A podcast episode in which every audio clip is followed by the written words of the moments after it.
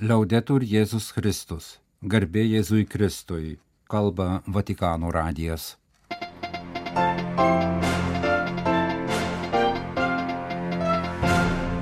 Malonus klausytojai šioje antradienio birželio 27-osios programoje. Vasaros laikotarpiui atšauktos popiežiaus audiencijos paskirtas naujas Šventojo Antano bazilikos padovoje popiežiškasis delegatas. Popiežiaus pasiuntinys Ukrainos taikos klausimais lankysis Maskvoje. Ukrainos katalikiškojo universiteto interviu su Šventojo sosto diplomatu Kyjive.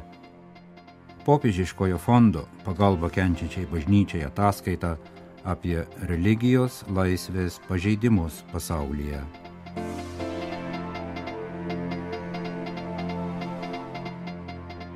Vasaros laikotarpiu atšauktos popiežiaus Pranciškaus audiencijos.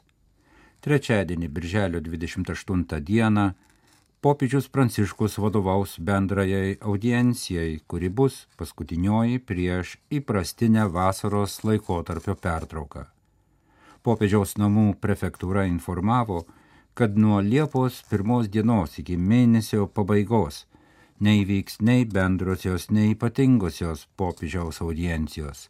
Kita bendroji audiencija po vasaros pertraukos įvyks rūpjūčio 9 dieną. Nors audiencijos atšauktos kiekvieną Liepos sekmadienį, popiežius vadovaus tradiciniai vidudienio maldai Šventojo Petro aikštėje. Sekmadienį rūpiučio 6 dieną popiežius vadovaus vidudienio maldai Lisabonoje, kur tą dieną įvyks pasaulio jaunimo dienos uždarimo šventosios mišios. Popiežius po penkių dienų kelionės Portugalijoje sugrįš į Romą rūpjūčio šeštosios vakarą. Popiežius Pranciškus paskyrė arkivyskopą Diego Giovanni Ravelį savo liturginio peigų ceremonmeisterį naujuoju Šventojo Antano bazilikos paduvoje popiežiškų delegatu Šventasis sostas informavo, kad arkivyskupas Ravelį perims naujas pareigas šių metų rūpiučio pirmą dieną. Šventojo Antano bazilikos paduvoje popiežiškojo delegato pareigas lygi šiol ėjo arkivyskupas Fabio Dalčin, popiežiškasis šventųjų Loreto namų šventovės delegatas. Šventojo Antano bazilika, kurioje saugojamos garsaus XI amžiaus pranciškono Šventojo Antano relikvijos, yra viena iš didžiausių pasaulyje ir gausiai tikinčiųjų lankoma šventovė. Bazilikai suteiktas popiežiškosios bazilikos titulas ir pagal Vatikano susitarimą su Italijos valstybe ji priklauso šventajam sostui, nors yra Italijos teritorijoje popiežiškosios šventojo Antano bazilikos padovoje sielovadai vadovauja pranciškonai konventualai. 2031 metais bus minimos šventojo Antano padoviečio mirties 800-osios metinės. Šventasis sostas informavo antradienį birželio 27 dieną apie popiežiaus Pranciškaus pasiuntinio Ukrainos taikos klausimais kardinolo Matėjo Dzupi misijos etapą Rusijoje. Kardinolas Matėjo Dzupi, Bolonijos arkivyskupas ir Italijos viskupų konferencijos pirmininkas, lankysis Maskvoje birželio 28-29 dienomis. Jį kelionėje lydės Vatikano valstybės sekretoriato pareigūnas. Pagrindinis popiežiaus taikos iniciatyvos tikslas - paremti žmogiškumo gestus, galinčius paskatinti išeiti iš dabartinės tragiškos situacijos ir atrasti būdus pasiekti teisingą taiką, pažymima komunikate. Priminsime, kad birželio 5-6 dienomis kardinolas Matėjo Dzupį lankėsi Kyjive, kur susitiko su Ukrainos valdžios žmonėmis, įskaitant prezidentą Volodimirą Zelenskį, taip pat su Ukrainos religijų atstovais. Po kardinolo Matėjo Dzupį vizito Kyjive Vatikano valstybės sekretorius Pietro Parolinas atsakydamas į žurnalistų klausimus apie šią misiją paaiškino, kad popiežiaus pasiuntinio misijos tikslas susipažinti su padėtimi ir įsiklausyti, kad būtų galima nuspręsti, kokiu indėliu šventasis sostas gali prisidėti prie taikos. Jūs klausotės Vatikano radio žinių laidos. Tęsime programą. Ukrainos katalikiškas universitetas, kurio pagrindinė būstinė Lvyve Liepos 1-2 dienomis įteiks diplomus daugiau nei 500 studentų baigusius įvairiausias studijų programas - filosofiją, teologiją, informatiką, vadybą, fizioterapiją ir kitas. Diplomų įteikimo ceremonijoje garbės svečiu būti ir pagrindinę kalbą pasakyti pakvestas apaštalinis nuncijus Ukrainoje, Klaipidoje gimęs arkivyskupas Visvaldas Kulbokas. Ta proga Ukrainos katalikiškas universitetas paskelbė interviu su Šventojo sosto diplomatu. Kaip vertinate bažnyčios Ukrainoje ir pasaulyje vaidmenį remiant Ukrainą karo metu ir solidarizuojantis su žmonėmis nukentėjusiais nuo Rusijos karinių veiksmų, buvo klausima Lietuvio arkivyskupo. Karas kyla iš arogancijos nuodėmės ir kitų nuodėmių, tad jis šetono, o ne Dievo išradimas. Karas mums sukelia didžiulių sunkumų, mus gazdina, bet negali pražudyti nei Dievo, nei mūsų dvasios. Mano nuomonė, pagrindinė bažnyčios misija dabar liudyti tikėjimą, kad net karo metu nepasiduotume nevilčiai ir baimiai, kuriuos jis nori įdėkti į mūsų širdis. Tai pirmoji bažnyčios misijos dalis susijusi su mūsų santykiu su Dievu. Antroji bažnyčios misijos dalis susijusi su mūsų tarpusavio santykiais Šioje srityje svarbu, kad bažnyčia liūdytų gailestingumą kenčiančiųjų atžvilgių. Todėl visuotinės bažnyčios misija padėti nuo Rusijos agresijos padarinių kenčiantiems Ukrainoms žmonėms kyla ne iš politinės pozicijos, ne iš nemailės ar neapykantos vienai tautai, bet iš krikščioniškojo pašaukimo būti solidariems su tais, kurie kenčia, atsako apaštalinis nuncijus. Kokie iššūkiai bažnyčiai karo metu? Būtų galima rašyti knygą apie iššūkius, su kuriais bažnyčia susiduria karo metu. Su iššūkiais visų pirma susiduria ta bažnyčios dalis, kuri yra fronto linijoje - kariai, kuriems kiekviena sekundė gali tapti paskutinė gyvenimo akimirka, pažymė arkivyskupas Visvaldas Kulbokas. Iššūkį nuo jo patiria tie, kurie buvo deportuoti ir įkalinti, liko be nieko ir neturi net vandens atsigerti. Tai nulatinė ir didžiulė kančia. Panašią kančią patiria ir kalinių bei dingusiųjų be žinios šeimos. Kiti iššūkiai bažnyčiai Ukrainoje - kariuomenės kapelionų rengimas, pagalba vaikams, malda už taiką ir stiprybę, labdaringa veikla. O iššūkis visuotiniai bažnyčiai - informuoti pasaulį, kad Ukraina nebūtų pamiršta ir ieškoti galimų taikos kelių - tikros, teisingos ir ilgalaikės taikos. Koks švietimo vaidmuo atkuriant pokario Ukrainą, kodėl švietimas svarbus? Esu įsitikinęs, kad norint apsisaugoti nuo agresyvių Rusijos veiksmų ateityje, Ukrainai reikia ne tik tarptautinės ekonominės ir karinės paramos. Ji turi tapti vieningesnė, stipresnė savo kultūra, identitetu, ekonomika ir politika. Negalima pretenduoti būti stipria ir nuo agresijos apsaugota šalimi, kai keliems politikams deleguojama teisė spręsti, ką daryti, be tinkamos korupcijos ir netvarkos kontrolės. Šia prasme švietimo vaidmuo - išmokyti kiekvieną žmogų gyventi durai, ne vien užsidirbti pinigų šiandienai, negalvojant apie tai, kokia kryptimi šalis pasuks ryt ar poryt, pažymė Lietuvis arkivyskupas.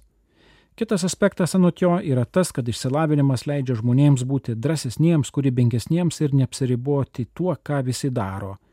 Mano nuomonė, švietimas yra ne tik demokratijos, bet ir dinamiško, bei drąsaus ekonominio, kultūrinio ir politinio vystimosi pagrindas, atsako apaštalinis nuncijus.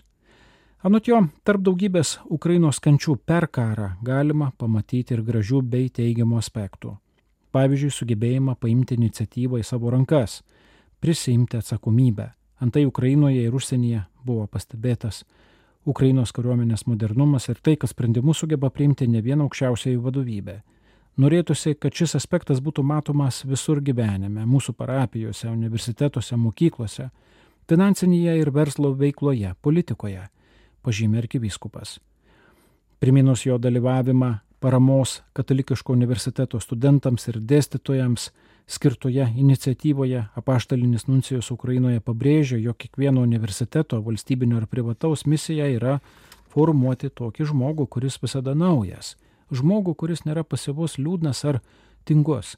Dar labiau tai galioja krikščioniškam universitetui, nes Dievas šventajame rašte mums sako, štai aš jau kuriu naują dangų ir naują žemę Tikėjimas ir gyvenimo moralė visada tokie patys, tačiau pagrindinė krikščioniškoji žinia yra ne tik tradicija ar tradicinės vertybės, bet ir nuolatinis veržimasis į ateitį, į dangų, į kurį esame pašaukti. Tai labai atsakinga misija, todėl svarbu, kad bažnyčios ganytojai nepaliktų katalikiško universitetų savo pačiam, bet duotų savo jį dvasinį ir pastoracinį indėlį. Arkivyskupas Visvaldas Kulbokas buvo paklaustas, ką pasakytų Ukrainos katalikiško universiteto studentams, dėstytojams ir buvusiems auklėtiniams, kurie dabar fronto linijoje ir gina Ukrainą nuo užpoliko, kaip jiems išlikti optimistais ir neprarasti vilties. Į šį klausimą nėra lengvo atsakymo, nes karo metu visiems viskas labai sunku, taip pat ir psichologinių požiūrių. Tačiau yra bent du aiškus receptai. Pirmas - tikėjimas suteikia mums drąsos net tamsiausiomis akimirkomis. Antras, vienybė daro mus stipresniais ir padeda kartu rasti gerų priemonių sunkumams įveikti, tad ir optimizmui atgauti, pažymė nuncijus. Ko jis palinkėtų jauniems žmonėms prie pilnametystės lenkščio, kartą pamena nuncijus jam teko pamatyti baisę nevilti. Vieno Mariupolio gynėjo žmonos akise, kai jai kalbantis telefonu su vyru staiga nutrūko ryšys. Atrodo, kad griuvo pusę pasaulio. Tokių pavyzdžių daugybė ir jie leidžia aiškiai suvokti žmogaus gyvenimo trapumą. Užtenka akimirkos ir mūsų žemiškoji kelionė baigėsi. Todėl jis linkia jauniems žmonėms viltis sudėti ne tiek į šeimą ar darbą, bet į tai, kaip gyvena. Jei vyras arba žmona silpni, tada reikia ieškoti būdų, kaip juos sustiprinti. Jei darbas sunkus, reikia ieškoti būdų sunkumus įveikti. Jei tikėjimas silpnas, turime maldoje prašyti malonės pasitikėti Jėzumi Kristumi. Kai mes sakome garbė Jėzui Kristui, pats velnės atsitraukia nuo mūsų ir padėkite atkurti Ukrainą bei tikrąją Ukrainos šlovę, pridūrė paštalinis nuncijus Ukrainoje Visvaldas Kulbokas, pakvestas pasakyti pagrindinę kalbą Ukrainos katalikiško universiteto diplomų įteikimo ceremonijoje. Religijos laisvės pažeidimai fiksuojami šalyse, kuriuose gyvena daugiau nei 4,9 milijardo žmonių. Rimti religinės laisvės pažeidimai prieš piliečius buvo nustatyti 61 šalyje. Tokie rezultatai pateikiami popiežiškojo fondo pagalba kenčiančiai bažnyčiai 16 ataskaitoje apie religijos laisvę, kuri pristatyta Romoje birželio 22 dieną. Ataskaita skelbiama nuo 1990-ųjų kas dviejus metus, apžvelgia 196 šalis. Joje vertinama visų religinių tradicijų tikinčiųjų pagrindinių žmogaus teisų situacija nuo 2021 gegužės mėnesio iki 2022 m. gruodžio mėnesio.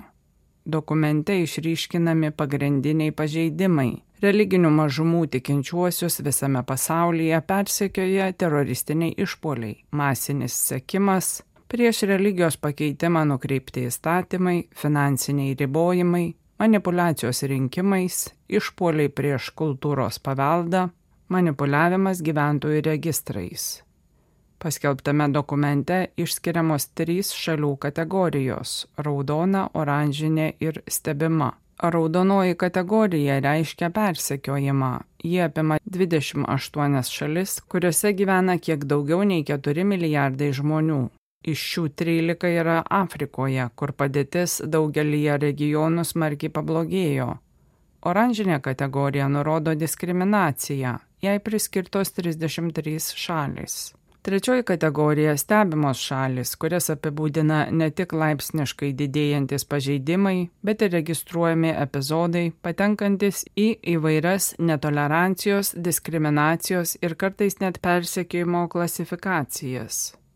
Pagalbos kenčiančiai bažnyčiai fondo ataskaitoje pabrėžiama, kad pasauliniu mastu Siekiant išlaikyti ir konsoliduoti valdžią autokratų, fundamentalistų grupių lyderių rankose padaugėjo visų žmogaus teisių, įskaitant religijos laisvę, pažeidimų.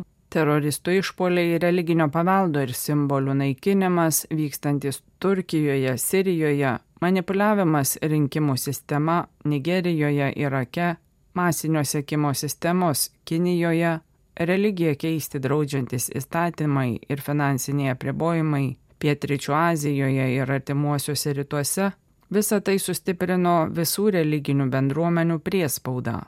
Taip pat vis dažniau pasitaiko mišrių atvejų, kai persekiojimas vykdomas rafinuotai, tačiau kartu labai negailestingai Daugeliu atveju, kaip teigiama ataskaitoje, vyriausybės taikė prieštaringus įstatymus, apribojančius religijos laisvę arba diskriminuojančius kai kurias religinės bendruomenės. Daugėja persekiojamų religinių bendruomenių, ypač Nigerijoje bei Nikaragvoje. Nebaudžiamumo kultūra taip pat auga dėl itin tilaus tarptautinės bendruomenės atsako į autokratinių režimų, tokių kaip Kinija ir Indija, įvykdytus žiaurumus. Tarptautinių džihadistų tinklų taktika taip pat keičiasi, nes matomas oportunistinių kalifatų iškilimas. Pereinama nuo iš anksto suplanuotų teritorijų užkariavimo prie trenk ir bėg išpolių, kuriais siekiama sukurti izoliuotas bendruomenės. Vidinė įtampa pastebima islamo bendruomenėse, kur viena vertus nuskurdusius ir nusivylusius jaunuolius vis labiau traukia islamo teroristų ir nusikaltėlių tinklai, kaip pavyzdžiui Afrikoje. Kita vertus, ypač Irane daugėja musulmonų agnostikų. Kinijoje tęsiasi žiaurus uigūrų persekiojimas. Diskriminaciją ir persekiojimą patiria taip pat ir Indijos bei Mianmaro musulmonai. Daugėja pranešimų apie antisemitinius neapykantos nusikaltimus esbo šalise. Vakarų Afrikoje ir Pakistane pagrobimai, lytinis smurtas, įskaitant seksualinę vergyją ir priverstinis religinis atsivertimas išlieka beveik nenubausti. Dešimtise šalių religinėms mažumoms priklausančios moteris ir mergaitės ypač nukenčia nuo tokių smurto formų. Ataskaitoje atkreipiamas dėmesys į reiškinį, kad sufalsifikuojamas tikinčių skaičius tampa priemonė išlaikyti politinę galę Kai kuriais atvejais religinės bendruomenės, siekdamos išsaugoti savo politinį, religinį ir socialinį statusą, padidina savo narių skaičių, pateikdamos klaidinančius religinės priklausomybės duomenis. Pamatiniams laisvėms taip pat kenkia auganti kontrolė, apimanti religinių grupių sekimo sistemą. Vakaruose socialinė žiniasklaida buvo naudojama siekiant marginalizuoti ar susidoroti su kai kuriomis religinėmis grupėmis. Tapo svarbiu veiksniu stiprinant ištrinimo kultūrą, kuri nuo žodinio priekabiavimo prie asmenų, kurie dėl religinių priežasčių laikosi kitokios nuomonės, pereina iki teisminio pobūdžio grasinimų ir darbo praradimų. Ataskaitoje pristatomi ir keli pozityvūs faktai. Po trijų metų apribojimų įvestų dėl koronaviruso pandemijos daugumoje pasaulio vietų vėl pradėtos renkti pagrindinės religinės šventės, kurios pritraukia milijonus tikinčiųjų. Padaugėjo iniciatyvų skatinančių tarp religinį dialogą.